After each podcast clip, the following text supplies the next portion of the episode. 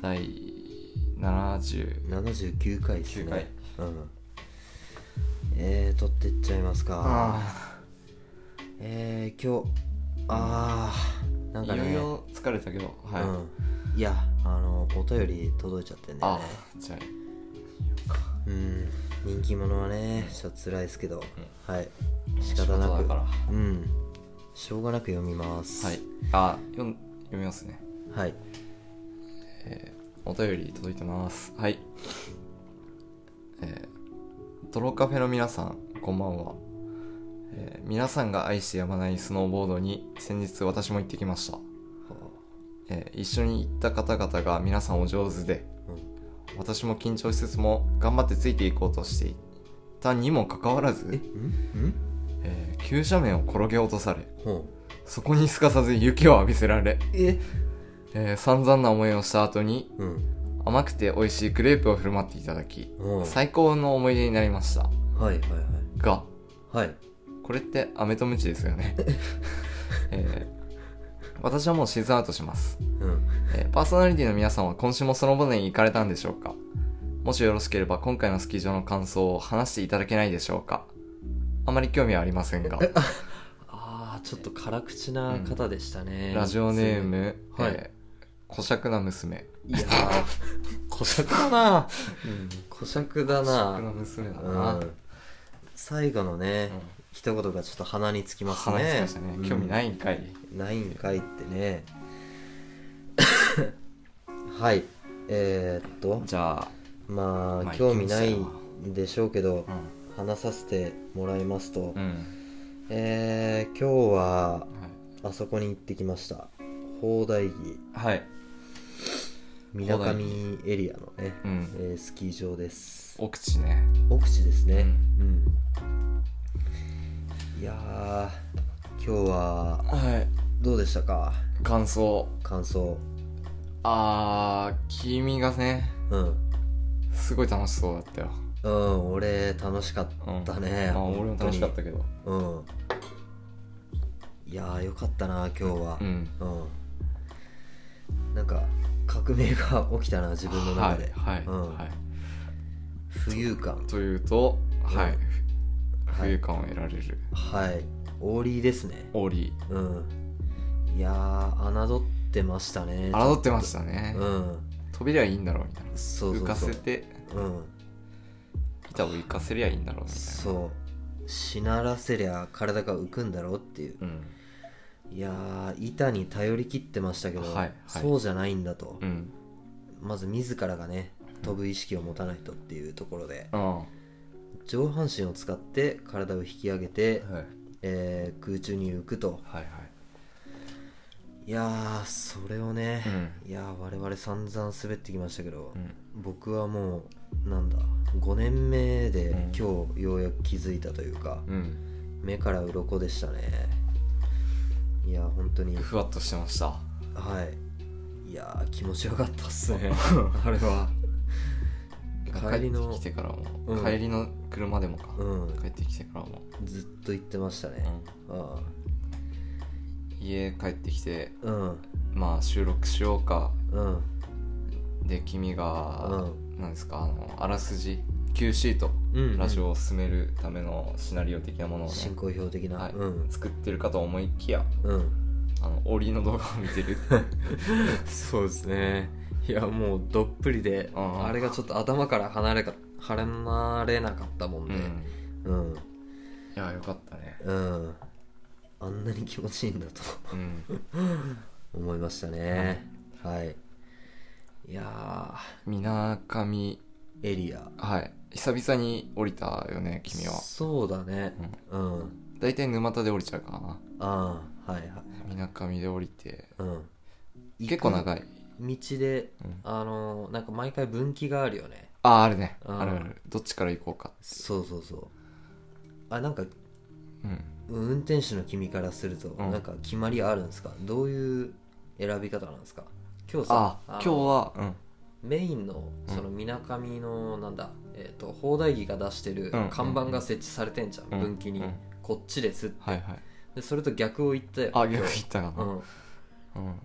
あのそうね23代前にうんトロイステッパーゴンがいたんで、ああそういうことうね、ん、そいつらを避けるために避けて、はいうん行きましたけど多は分い正解だったんじゃないかな、まあね距離は大差ないもんね多分でまあ時間にしても多分うん34分しか変わんないのかもしれないけどストレスフリーでうん、たどり着けたかそうまなでねあうんあのうん道中道中ね我々探すじゃないですか小動物を、小動物ね、うんいや前砲台木行った時さ、うリスがいたよねああリスもいたっけ、うんはい可愛かったね可愛かったねうん、今日はいなかったねリス今は日いなかったね、うんリスいなかったけど何がいたんだっけあのカラスカラスだよね、 いやめちゃくちゃいたよねなんかめっちカゃラめちゃスいたが本当にいた、うん何してんだやつらはっていう、まあ原因の一つとしては、はいはあのあることが考えられるんですけど、うんカラスを操れるやつがいてああうんそいつが使い魔的に、うんあのスノーボードに行ってるおじさんたちをねうん監視するために、えーカラスをよこしてきたんじゃないかってういんう今日いなかったからねそうねいやどうやらね彼がうんうん神殿のうんあのしがないアパートでねうん指をパチンと鳴らしてうんバサバサバサっとベランダに集まって、うんうんうん今日 あいつら二人がどうやらうん砲台儀に行くらしいと、うんおめえら見てこいとうんまたもう一つパチンと鳴らしたら一斉に飛び立って、うんバサバサバサバあーあれ群馬のカラスじゃなくて、うん埼玉のカラスサだあっーたんだ埼玉から ですあれそうだったんだおそらくああなるほど、いやー多かったっすねカラスがう、うんんいやー本体はねうん今日はお留守番でしたけどそうね、家で充電中中日中ですねでしたねはいえまあ砲台儀スキー場ー、うん春行きそうだね、うん春行きって感じでしたね春行きだったもうシャ完全バにシャバで、あいやそれがよもあうんうリフト券買いに行く時点であうんこれ雪質そうね春だっうんて思ったけどうんまあとりあえず触れずにうんうんうんの乗ったよねうんゲレンデに、あの足を踏み入れた瞬間、うんこうちょっとぬめりというか足を取られる感じ、うんまあ尺っていうね、うんこの感じが尺だねあったけど、まあ大してねそんなに古尺え歩くと古尺古尺古尺いやー実はうん古尺な娘も来てたの、いやうーん今日はいなかったけどああいなかった、うんあ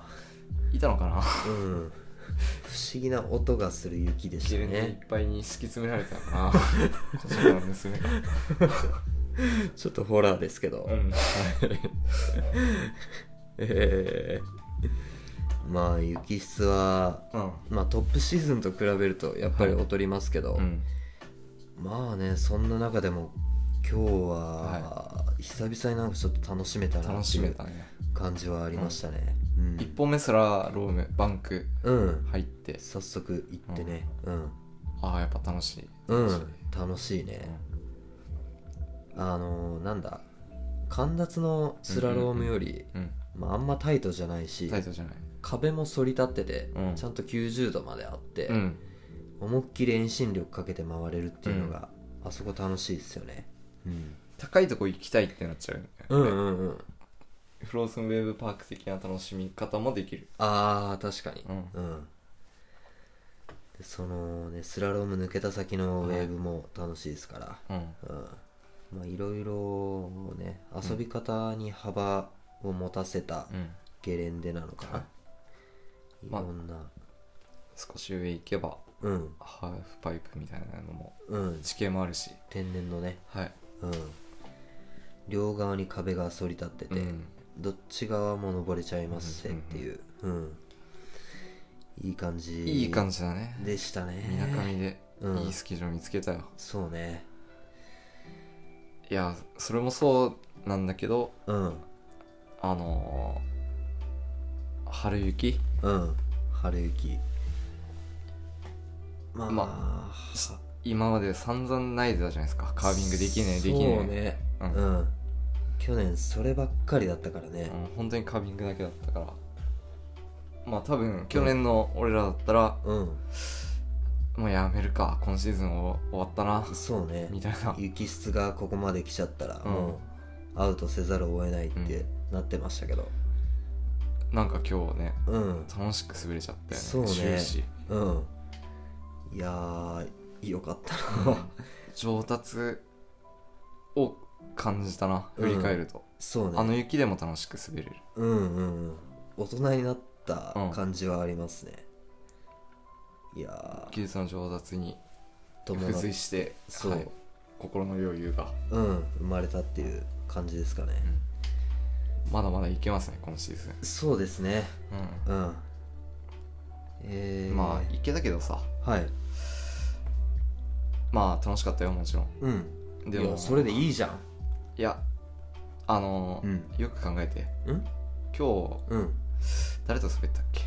えーっとね俺の記憶では、うんおじさんと一緒に滑ったあおじさん、うんあそううんあそう奇遇だねえ俺もねうんおじさんと滑ってた、えずーっとー、何色うんカーキああ俺だカーキだね そうだね2人で行きましたね、うんいやーこれどうよもうずっともうリフト乗ってる時もおじさん、うん滑っててもおじさん、おじさんね、うん、で滑滑りりしてもお春じさん雪でもおじさんおじさはいん、うん、終始おじさおんじさんですよあの あれちょっと自分で言いながら笑っちゃったんですけど、あの俺が先に降りたのに、うん君があの俺を待ってるというか、はいあれまだあいつ降りてこねえじゃんと思って、うんゲレンデの方見上げてた時にああはいはい後ろから、うんあの自分のね現在地を知らしめるために、うん遠 くからおじさんってあったな おじさんってうんなんかおじさん呼んでる人いる なでも俺じゃないよなあまだ前にうんまだ滑ってきてるはずだし、うんうんうんおじさんあれどうよってね、振り返ったら、うんおじさんが嬉しそうにこっち見て おじさんって 言ってたね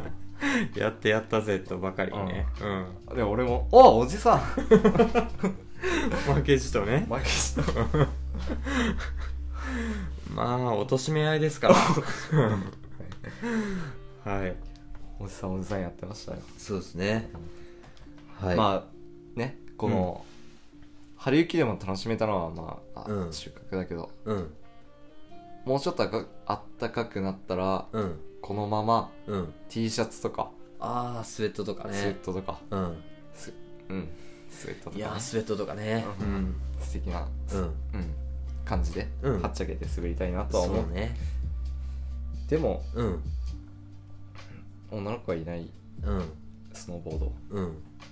味気ないねなんかうん今日の、 うえースノーボード点数をつけるとしたらんうんんそうだな100点満点中う、んオーリーも楽しかったしおバークも楽しかそっうねたしオーリーも楽しかったバークも良かったうん何点まあゼロだよねああ、うんゼロか、ゼロいやだっておじさんと2人だもんうんやだねこれうんいやそうねおじさんやめたいうん女の子にな りたい可愛い女の子にそうねうん花になりたいよ花にねなりたいね、うん今日来れなかったおじさんもうんまあおじさんって言っちゃったけどさ、うんおじさんだしうんおじさんだしねおじさんが2だろうが3だろうがねうんおじさんだかうん変わんねえよらなうんえああてなところでーはいお便り、うんもう一つ届いてるんでああもう一つですかはいはいえー、じじゃゃああこれはま次のあはいセクションではい読んでいきますかはいメインテーマではい読みましょうえー、じゃあ一旦おじさんですタバコいやおじさんです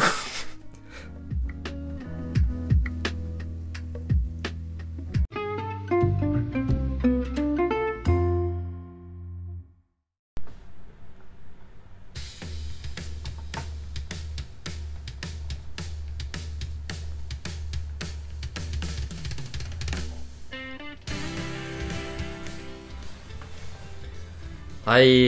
えーこんばんはこんばんは。ええー、カーキマンです。ミキトゥールゴンゴですはい、どうも。はいえー、今じ夜ゃあ、やっちゃおうかやっちゃいますか。えー、最初はじゃあねうん。えー、川木さんに届いたという一通のお便り、はいはいはい。えー、こちら読んじゃってくださいよあ、いいですか、はいじゃあ読んじゃいますうねん。はい。えー、こんばんは。はいいつも楽しく拝聴しておりまはす。い先日はリスナー参加イベントにお招きいただきありがとうございました。はい、はい、こちらこそえー毎週末サウナに入ってはうん緑肺をかっくらい そのまま単車にまたがりマッポとの鬼ごっこに明け暮れましたが おじさんたちとのスノーボードも案外悪く ないななんて思っちゃいました そうか。過激なりさ。いやーすごいですね帰りのラジオも楽しくお二人のひ人柄を知ることができてうんあ嬉しかったです、ああ、よかった。えー実は先週から、うん日陰浴を始めはい。私も肌がカーキ色に染まり始めてますん、まずい。まずい。ところで皆さんに質問ですが、はいはいえー好きなゲレンデトップ3を教えてください、はい、はえー他にも皆さんのトップ3をたくさん聞きたいい。ななるほど。すっかりスノーボードにはまっちゃいましたので、えーまた皆さんとスノーボードに行きたいな、うんうん。えーかわいいな次回の参加イベントも楽しみにしていいやまー、こすちらこそ。えー、ペンネーム、えー恋するゴンゴ。ああ、君これ。あ、ええ、これ私でした。えごめんなさい。君じゃん、こうんれこ。れ私でしたね。えあ、そんなお便りが届いたんだ。ー、いや、身の元に。あー、届きましたねう。ん。いや緑ー、肺を飲んで、うん単車にまたがって。うん単車っていう表現はあれだけうど。ん。まあ、あるリスてナっーを。きりね、うんそう、あるリスナーを思わせるようなうん行動だったんですけど、ううんん、君でしたね、これ。あ、これ私だったんですね。ああ、そうです か。いやー、まあ、や、やんちゃな週末ですね。やっちゃいましょうだいぶ。ううんん。そうね。し毎週末あサウナに入って、はいはいはいでここでエンジンを上げるわけですね、はいはいで緑肺を飲うんんで、はい。さらにこうん。うボルテージ上げていくとうん。ボルテージ上げて。 えーっと、でまあ飲酒運転をしちゃうと ねそうだね。単車にまたがり。はいはいは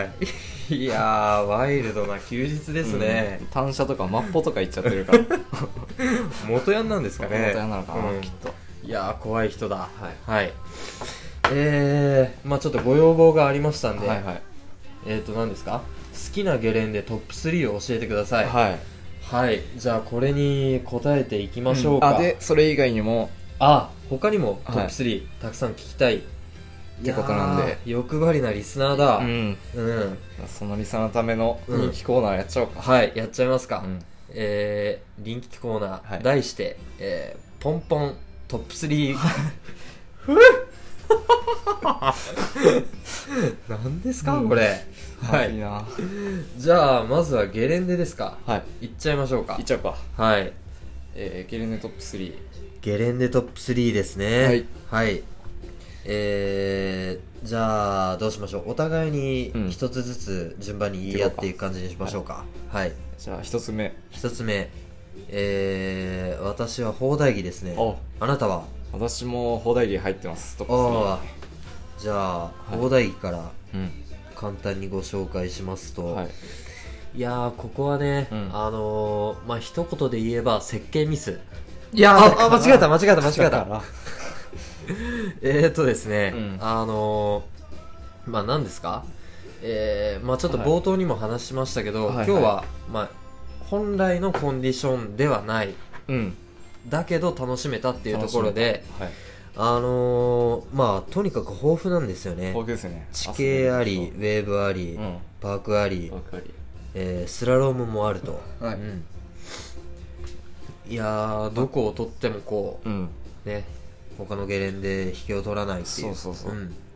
一通り揃ってますからねそろ揃ってるうんみなかみの中で絶対に一番楽しい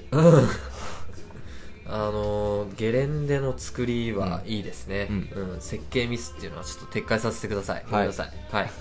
謝ってきなよああいやー本当にねごめんなさい群馬ちゃんあのまー、さにねリフト券の裏に群馬ちゃんも書かれてますからああマジで、うん見てなかった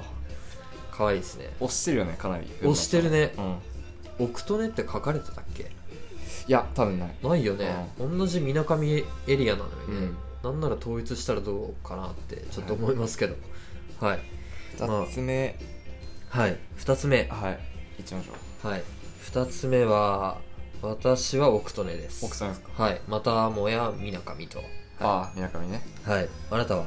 俺はうんえっ、と神楽神楽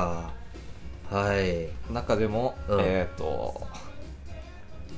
えー、田代はいエリア田代エリアね田代エリ奥の方ですねアうん、湖の方ですねそうはいえ奥留といえばー、はいまああのオクトネといえばねあのー過酷なレッスンがあったんですよね、修行の日々うん修行の日々でしたあのスノーボード始めたての頃は、はいはいえー、夜2時に出て、毎日寝てえー明け方4時に着いて、はいえー、2時間仮眠をと髪っのて毛、えー長いですからねあそこそはうあのーリフトの開始が早いんですよね、早い6時とかでしたっそうけ早朝営業6時かうら、ん6時から乗って、うんうんえ5時間券で乗って11時までかなかな、うんで11時滑り終わって昼食をとり、一人えーまた仮眠を取ると髪はいでその後はまたナイターですね泣いたので滑るなんですかあ れいやーでも練習するにはもってこいの環境うんそうね、あのー営業時間的なうんうんあれもちょっとまあ良かったよねうってつけでしたディスクやった体力が有り余ってない当時の我々うん、んあれは人も少ないしねそうだね朝少ないし、うんうんうんで混んできたら飯を食って寝るそうそうそうでそうまた空いてきたらうんナイターに行くっていう、あれすごい画期的なシステムつけたよね、そうねなんか良かったよねこう昼間みんなゲレンデの飯を食ってる中、うんあの車の後ろにはいはい椅子を持ってきて、うんえーカップラーメンを、カップラーメンじゃねえかあのカップラーメンじゃないですねチャラメただラみたいな、のインスタントインスタント麺とうんカセットコンロでカセットコンロ持ち込んで、いやー箸がなかったねあああ走らなかったなれいや忘れてたいい思い出ですね、はいこれの枝いいんじゃないかっつって、枝拾って きていやーあれ楽しかったな楽しかったなあれは黎明期と言いますか、うん我々のエピソードゼロですねうんうん結構あの流れを今も引っ張ってるというか、うんああいう楽しさもたまに出うんてうるんんですうよんね、あるねうんあれはいいです面白思かっいた出が詰まってるゲレンデですね、はいでえっ、と君は神楽の三ああ神楽か神楽のえっ、と田代エリア田代エリアうんまああの神楽って広いじゃないですか、うんバカでかいバカでかいいねまだにうんこうたくさんスキー場行って慣れてきた俺らでもうんでけえなやっぱり、うんうんうんでそういうその冒険感というか、うんこっち行くあっち行くみたいな、うんうんそういうワクワクもうん感じられる、うんまだ残ってるうんでその中で、うんあの田代エリアは、うんこう割と過酷な斜面が多い神楽スキー場はいみな三つ股エリアとかはい人が多いところとかをはいある中ではいちょっと奥の方に頑張っていくと、うんまあ、なかなか滑りやすいそフうそうそレンうドリーなあったかういんゲレンデが待ってるといううんここの、れ何と言いますかこれははいまあ、オアシスオアシスですよねうんオアシス感はい過酷な斜面をそうはいリフトというリフトを乗り継い乗でり継いで乗り継いでうんたどり着いた、ここが田代エリアじゃとうん、うん、あれはオアシスです、まさしくここにありうんはいじゃあ3つ目いっちゃいましょうか、見てみちゃいましょうはいえー、丸沼高原スキー場と、丸の高原はい。いやー丸沼、なんかお世話になってるって感じかなああそうね本当にうん一番行ってるかなうん覚えてからもういつ行っても楽しいうん安定してますし標高高くてうん雪質があのうん、助かりますねいいです本当に、うん、悩まされ、頭抱える年もありましたけどああったね丸沼だけは裏切らなかったっていう、うん。ここはいいですよまあゴンドラで一気に登って、そうはい、まず1壁一壁っていうね、まうん、いい感じの飛びやすい壁があるんですよ、はいあすげえ高いからね、うん飛んだだけでちょっと登っただけで、うんああかっけえって見なられるるよなねるなるでそっからまたうんうんこう遊んでくださいと言わんばかりの地形の数々、そうそこくぐってくぐってそうでまあカービングできる広いバーンもあってはいあ一りま本すでね行けちゃうからね上から下まで、うんでもう足パンパンやってなった最後の締めがうんフローズンウェーブパーク、そうフローズンウェーブパークって、うんあれは何ですかライダーさんうん、そうがあの設計しうんた、プロデュースして、うん設計してうん結構した2年前ぐらいから始まったああそうだねうん、あるんですけどうん、まあ滑りやすいんですよね滑りやすいね、いやー皆さんもぜひ行った際は、あそこでメロウな滑りねしちゃってしちゃってね、うん本当に楽しいから楽しいですよはい行きたいですねはいえツイッターどこですかはいこんな感じですかね、うんゲレンデ、え3つはいはいじゃあうんまあリスナーからのご要望にお答えしてうん次もうんトップ3ポンいポンいろんっなちゃトうップ3ポンポンいっちゃうかそうね、うんテンポよく、うんはいじゃあ一旦タバコはいタバコ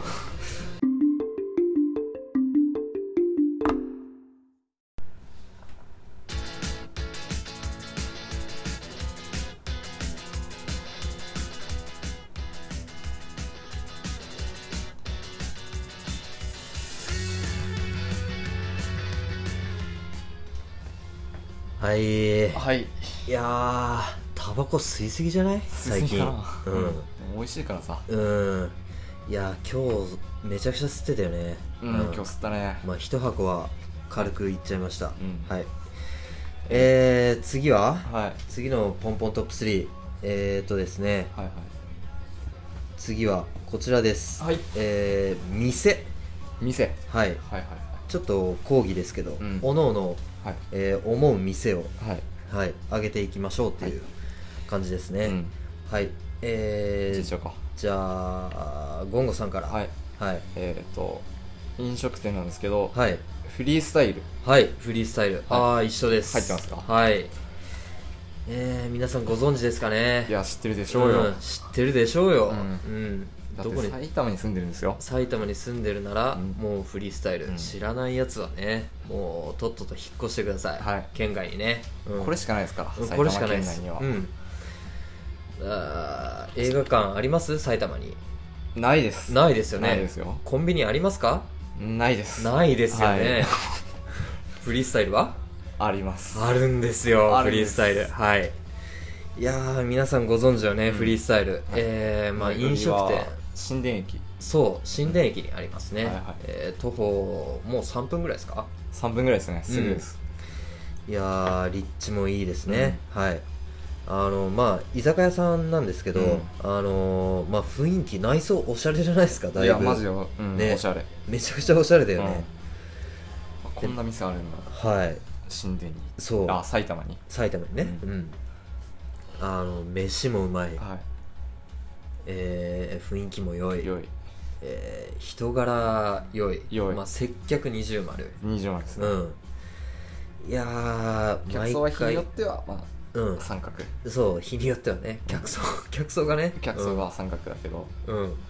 まあ、あの町にさ、うんこう引っ越して就職でこの町に引っ越してきて、はいまあ街を歩いてというか、まあ、コンビニから家に帰る途中に、うんあなんかできてるなっつって、うんうんうんちょっと行ってみるかうんそうねきっかけはフラッと入ったっていう感じですもんねフラッと入っあの店ようん、うん、あの店よまあ大体スノボの帰りにお世話になることが多かったですよね、うん多い、うん締めをフリースタイルでみたいうんな感じでしたね、うん、はいいやー3人で三人散々行きましたよ散々行きましたね、うん本当に3人でも行くしはい2人でもうん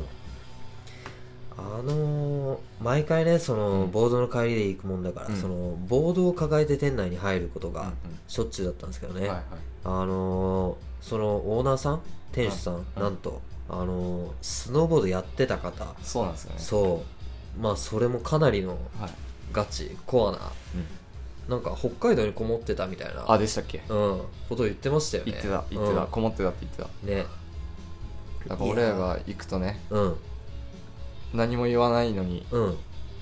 こう店にある店にテレビが、うんあのでかいテレビが2つ設置されてるんですけど、毎回ね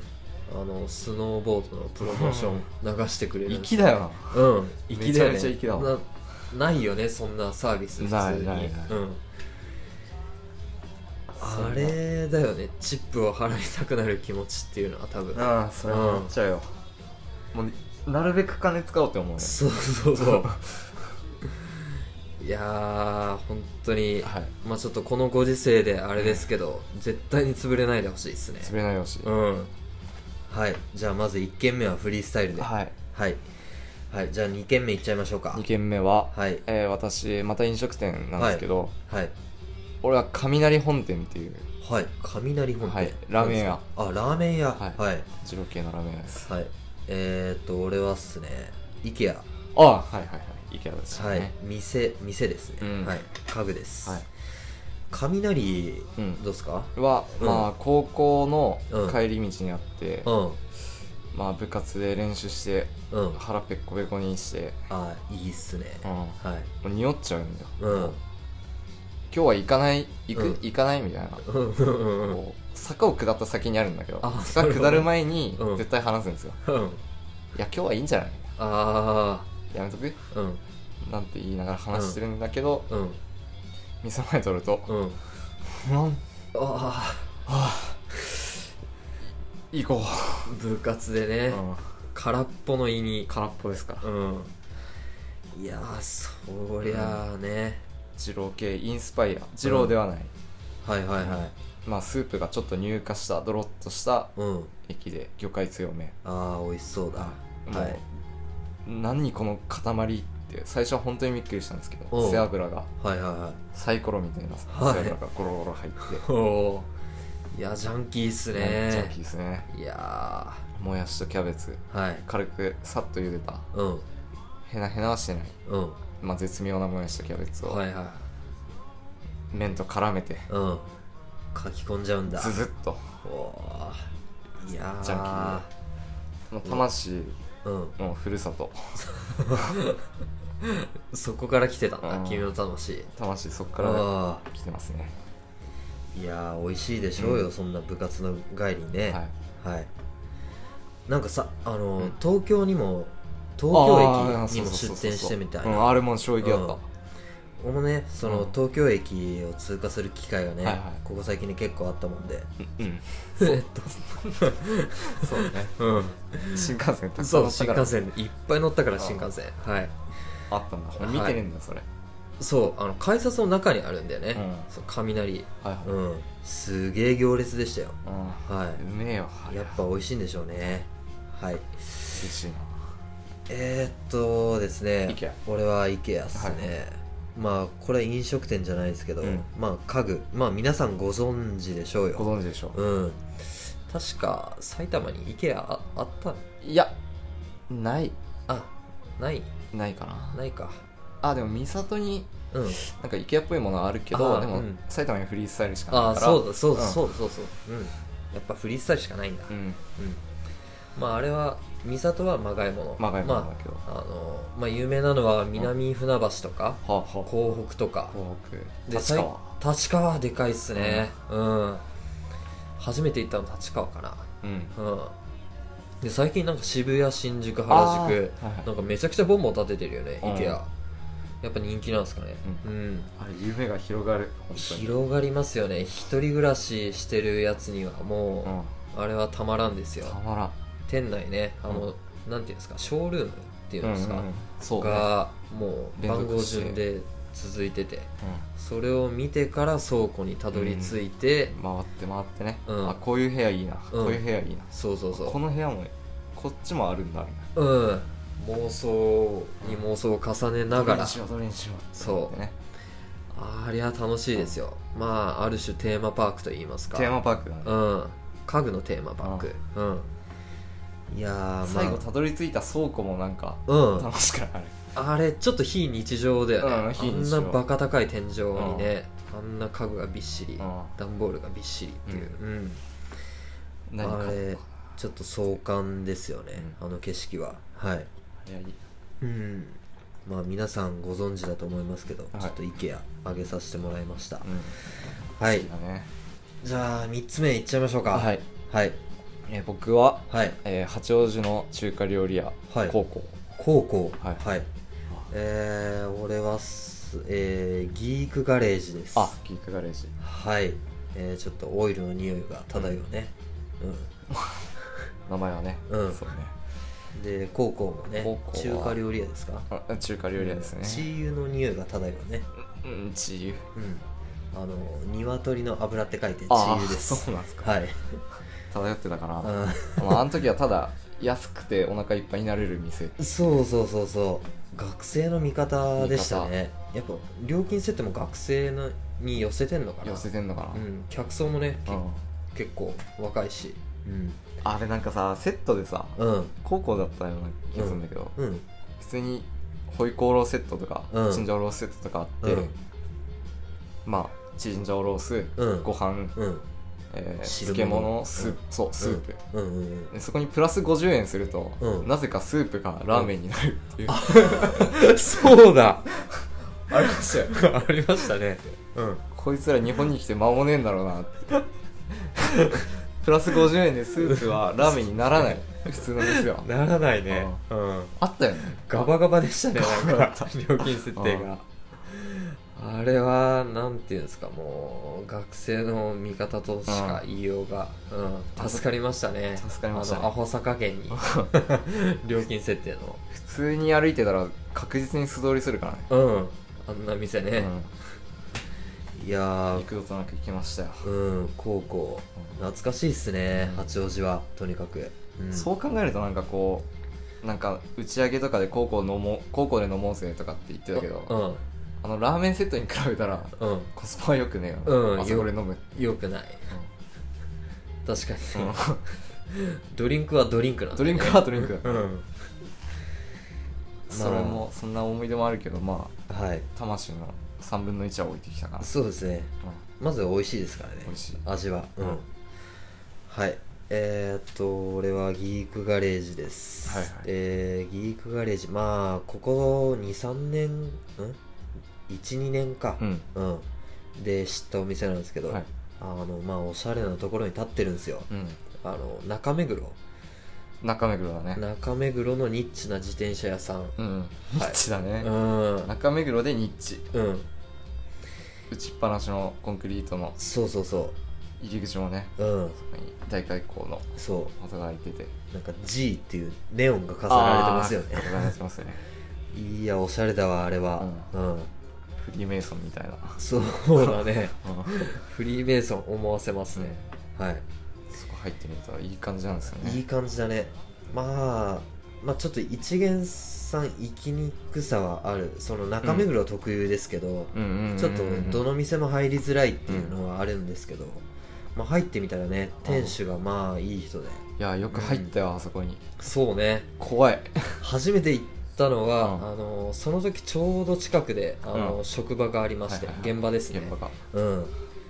そっから徒歩12分のところに現場があって、あ自転車屋があるうん行ってみようっていう、うんそれがきっかけでしたけど、はいうん、でそこでまあ、自転車1台目買っちゃいまして、いや親切に教えてくれましたよ、はいうん、それをね、我々どうですあかの店主うん店主なんだっけ、うんああジジイえじ じいあんなに親切に教えてくれて、うんジジイね、うんじじういっんて、親切なジジイだよね、うんあいつはいやじじいだけどもさ、うんいや我々ねもう裏でじじいとしか呼んでないですか呼んでないらですかあの店主のこと、をいやまあ相性だよね相性、愛愛のあるうじじいだよねうん、でも本当いいジジイだからね、うん、うん、いやうん俺らもなんか「あはい」みたいな「嘘あそれ買いますうん」感じで、うんまあ店でねうんあそんなそんなことあるんだみたいなうん新しい知識を教えてもらって、はいはいはいあありがとうございました今日も、うんありがとうございましたって見せれて、うんいやあのじじいじじいまたワコードの指切り落として眺めるかいやーこれね、うんこうななぜこのボケがね生まれたか覚えてないですけらど、覚えてないあのーまあ中目黒のマットスプラッター っていう、まあ、通りなんかね、はいまあ我々勝手に言ってるだけなんですけど、うんまあお客の指をなぜか切り落とすっていはいうはい裏設定をね、うんなんかかん勝手につけて、うんうんそれでキャッキャウフ フフ盛り上がってましたやっっててま話した ねずっとやってましまあまあいい人いい店ああうんたあええげつなくいかついうん機械とか置いてあるからかなあそれから始まったんじゃないかなあれああ指切り落とすためにやるあんじゃないかそうだやっぱりおかしいのは俺俺らなんだうんそこは間違いないですね、はいまあ自転車に興味ある人がいたらちょっとあああそこ連れて行きたいですようんお前あと同同期ああ連れてって、うんで買いましたからねまあ俺も連れてかれた一人だしうん、うんカラさんも連れてきましたよねそうだねう、うんであのチャリアを目的にうん中目黒に行けるってのがすごい、ああそうだねそれがすごいよ中目黒自体は、うんそのもうすごいおしゃれな店ですからそうそうそうまあ、カフェやら、うん服屋やら、うんなんやらもうぎっしりうんあの街に詰まってますから、詰まってる、うん中でそうチャリアを目指して、うん汗だくでチャリをこぐとそうそうそうそなんかいいっすねううんあのチャリアに行かなかったら中目黒なんかもううん人生に1回行ってるか行ってないかそうねあの設計課題でしか来ないよああんなところ行きましたね設計課題うんで懐かしいですねはいまあ僕はあの、うん該当する学科じゃなかったんで、うん、君はだって、ねうんうんあのあれね建築学部うん総合文化 学科総合文化学科うんでしたっけはいうんいや必修科目研究室でしまあそうですね た、 うんはいはいまあちょっとあはい次回ね、えーちょっとそこら辺うん、掘ってきます掘よっていきましょううんはいまあ、はい3つ目はギークガレージとはい高校でしたはい、はいえじゃあ一旦ー、うん一旦、うんえータバコタバコそう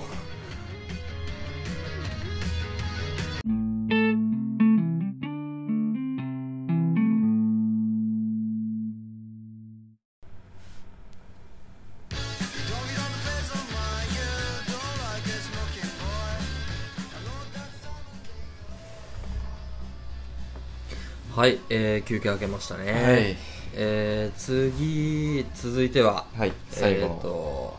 最後ですね、うん、ポンポントップ3、はいえーバンドバンド、バンドっすね、うんはい、まあ、じバゃンあド聞きますからねうんはい私は、はいじゃあいきますね、はいえーミシェルガン・エレファントはいはいこれよくミシェルガン・エレファント好きって言うと、うんあ私も好きミスチルいいよねってよく言われるんです けどうっそうんあすごい言われたこれいやちょっと辛いなうん蹴ったちゃんとうん蹴った蹴ったようん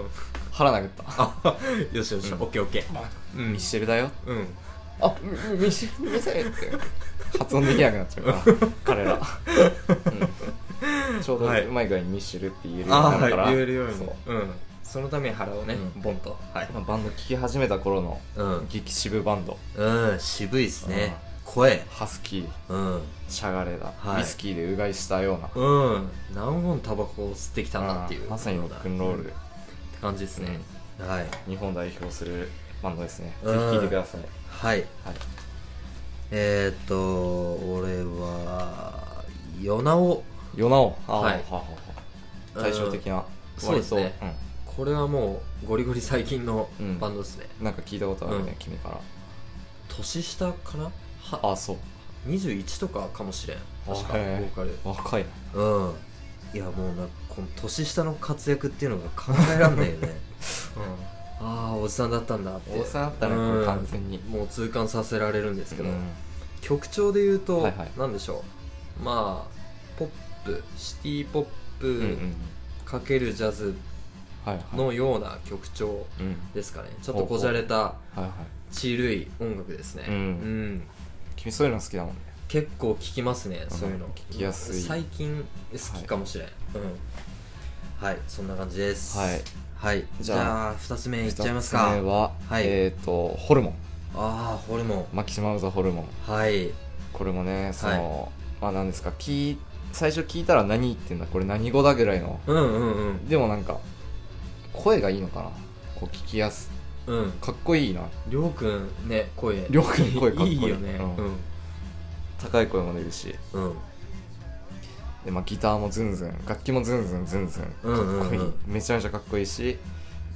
でもよくよく聞いてみるとうんちゃんと曲の意味があってうんでなんだろうなこう励ます頑張れとかって絶対に言わないんだけど、うんそういう曲を聴いてああ、うん頑張ろうって思えちゃあ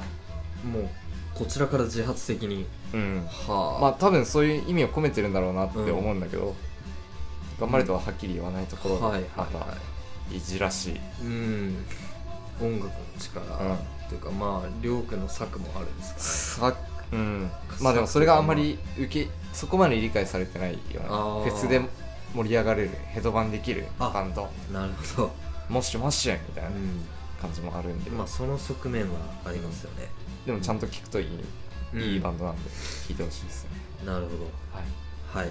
えー、っと僕はですね、えー、羊文学はい。はい健介さんえー、っと羊文学といえば、うんえーまあ塩塚萌香ああ、うんやっぱり、いやー塩塚萌香なんだよね、うん、ずっと好きって言ってるもんね、うん、いやー可愛いな、うん塩塚萌香君。髪が金髪そう髪が金髪、うんえーえ肌が肌がえーカーキいやカカーキじゃないですよね、うん肌色ですはい。白い。白いですね、うん色白っすね色白好きはですよね。そうだね、うん色白好きだねというかまうんあ、世界が白とカーキのあモあノクそうロだから、ううん。んまあ大体が色白うん。もしくはカーキと。うんもしくはカーキと、うはい えーっとまあ羊文学は、はい。まあ曲好きっすねうん曲が好きっていうのとまあメロディー綺麗っすよね、なんかうん、半音ずらすみたいな。あ言はい言はっていたはよいね。なんかその多分なんですかあんまりよくわかんないですけどコードそ進行。のコード進行が存在して、でその意表をつくよううんなうんうんメロディーがあるので、まあ、そのそれが心地いいあですねあ。うん。はい言ってたな。うん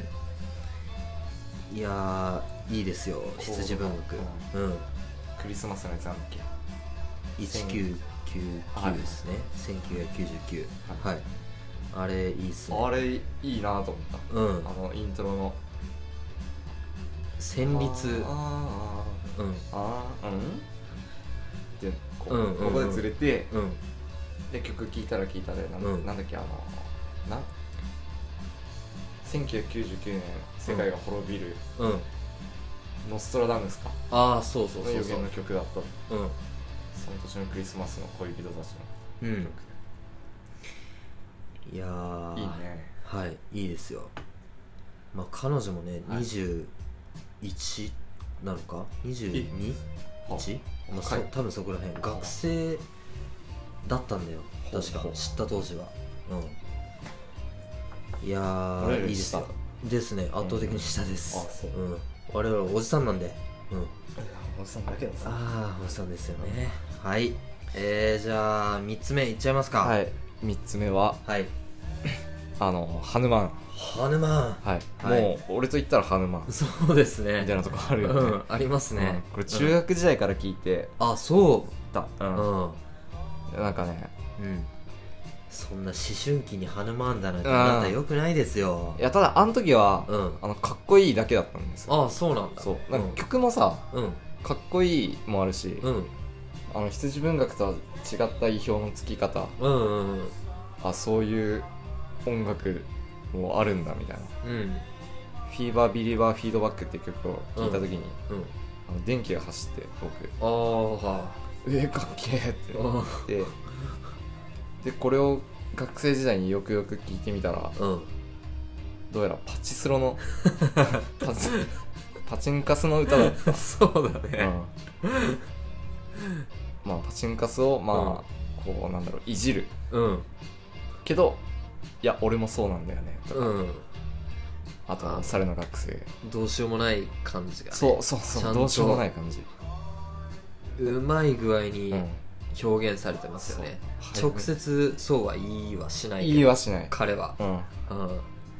うんめっちゃ皮肉なんだよね、うんそれが皮肉そうん、うん、うそれもねあなたに刺さったって刺さ感っじですた、かねうん、それが一番の皮肉だね、ああは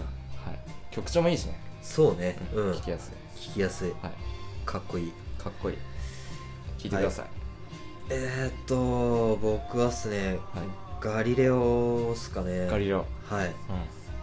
なんだろうあの初期の頃のうんガリレオは、はいまあ本当うんうにん、なんだろうまあバンドって感じあそうなんだうんあの綺麗なバンドって感じなんですけど、うん最近はねこう、はいオートチューンで遊び始めてあうんいやまあそれもいいんですよ、うんでそれが始まりだしたのがあの八王子時代にあはいずっと聴いてたあのアルバムあのアルバムはい「C 「シーダークネス」だったかなうん紫色の」そう紫色のジャケットのねはい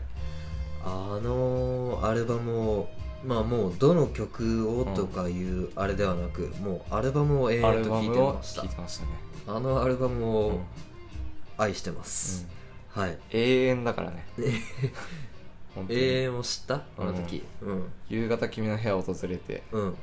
あ流れてるなうん 夜ご飯食べてあまだ流れてるな 朝起きてあまだ流れてたこれが永遠ですか寝てる間もね切らねえんだ本当に聞いてほしいねうんぜひ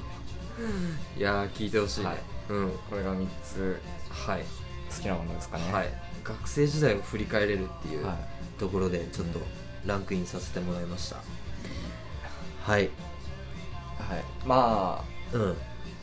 この今 BGM 流してる曲はもいバンドなんですけど、ああそうなんですか、はいはいリスナーのは中にその、うん、バンドが好きないはい、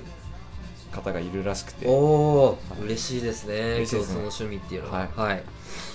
でその方がはい好きな、はいえーノーバシーズああノーバシーズっていうんですか、はいああいじゃやあちょっと今日は流させてもらいましたけどああいやいい曲だなと思いながら聴いてたんですけどいいいいよね、うん、うん本当にいい普通にいいですね聞きたいうん聞き込みたいで教えてほしいですねもし、うん今後あの参加型のイベントが開かれたとして、もしね、うんもしねうんあるあればねまあなかなかね、うんこの今何人でしたっけえーっ、とリスナーですかはいうんえーっ、といやー24 24ね24万人ですよ24万から選ぶそう抽選だよしかもいやー難しいな、これ選んでるのはね俺らじゃなくてスタッフだからさそうね、うん俺らの一存じゃ俺らのどうにねも意志だねうん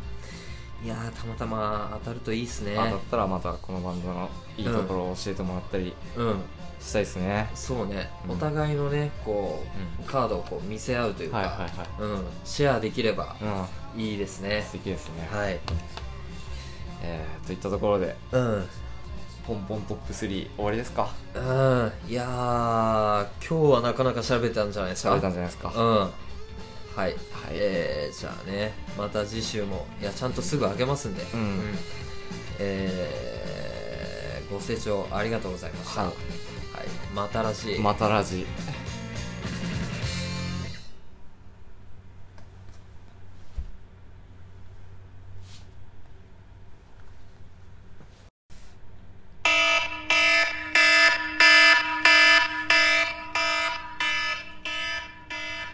え何何何あーえごめんごめんなごめんなんすかえー、ここでうん緊急告知です、はいなんとはいはいはいはい第2回うんリスナー参加イベントあえもしかしてえー、うんみんなで、うんおじさんとスノーボード、いやパッとしないね、うんみんなでおじさんとパッスノーボード、うんいやパッとしない、うん、これ開催しちゃいますいやー決定しましたいいや嬉しいですね嬉しいですよねおじさんとしてはううんん、うんや楽しかったですから前前回回、ね、んえー我々3人とそういつもね3人で、そうおじさんだけで滑ってるのを、そうん、2名ねリスナーが、華やかなねはいうん来てくれてうんフローラルたちが、うんいやーよかったですね、えーいやでも前回あまりに楽しかったからさ、うんさすがにね、うん次ああ応の募ーがリスナーをね、うんうん選ぶのはスタッフですから、うんいや、また相当おじさん来るよ3人に、うんあのーまたおじさんが来ちゃうかもおじさんそう5ね人で滑る可能性もありますから可能性もありますからうん、こればっかりやいねやだって俺らそもそもどうしようよないかだらってこの応募分母がさ相当増えてるよ、いや相当増えてるよリスナーも24万でしょそう24万そっから何人選ぶかうん応募はね、うんもう何千の単位できますからあななな何人だっけうん何人聞いていやーもうちょい増やせない まあでもそうねやっぱん1人ぐらいがちょうどいいかな、あーあのー、2人あ二2 2人人だけでしたあうーんまあそうか、うんい本当はねみんもう何百人と一緒にね、うん俺ら滑りたいけどそう何百人でも相今当な倍率だからさ、回はねうんまあ、2人ですうん、いい、やーら選ばれるラッキーな人はうん、いるんですかいるねんですかね誰がどんな人が選ばれるんでしうょう、んはいそわそわして待ってくださいよ、はいもう来週ですから、そうですうんね、結構キンキンのねあえっ、といつですかえっ、と3月の20日かな20日、はいはいはいはい日曜日ですね日曜日、あまあ、ここでも結構振り分けられるしねいけるいけあないそうだねうんうん、いやー楽しみだねそうですね、まあどこに行くかはもう決まってますああそうなんですか、はいまあ言えないですけどねあこれはまた、そうですね、うん選ばれる楽しみと、うんどこに行くかなっていう楽しみうんたださっき発表したうん3つ、はいはいはい我々でね、おのお三3のつ三ずつはいあげましたけど、うんあん中から行きます、はいはいいやーどこですかねではうん、楽しみにはい待っていてくださいはいえー、ネクストコナンスヒントえー、ま